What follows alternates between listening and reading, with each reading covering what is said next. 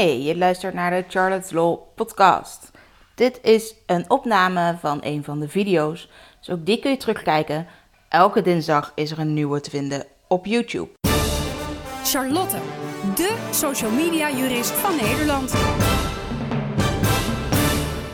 Misschien heb je eerder de video over algemene voorwaarden wel eens gezien, waarin ik vertel wanneer ze van toepassing zijn. Nou, belangrijk is natuurlijk dat je algemene voorwaarden hebt. Je moet ze van toepassing verklaren in je offerte of je overeenkomst. En je moet ook zorgen dat je ze ter hand stelt.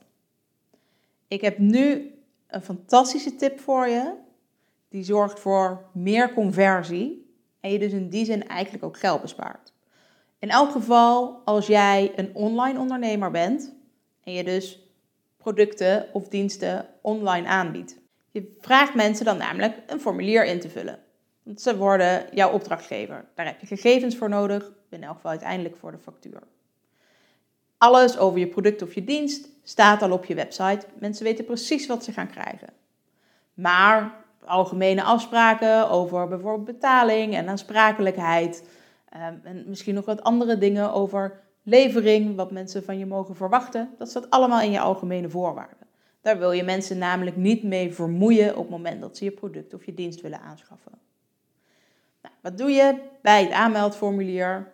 Er staat een link naar de algemene voorwaarden. Wat de meeste bedrijven doen, is vervolgens nog een hokje dat aangevinkt moet worden. Want je moet akkoord gaan met de algemene voorwaarden. Nou, dat is eigenlijk helemaal niet per se op die manier nodig. Je moet namelijk zorgen dat je ze van toepassing verklaart. Dus dat, dat moet je vermelden onderaan dat formulier. Deze algemene voorwaarden zijn van toepassing. Mensen moeten de algemene voorwaarden wel kunnen downloaden, bijvoorbeeld als PDF. Vandaar dat het vaak een linkje is naar een PDF-document. Dan heb je dus al voldaan aan de toepassingverklaring en de terhandstelling. Ze hoeven de algemene voorwaarden helemaal niet te lezen.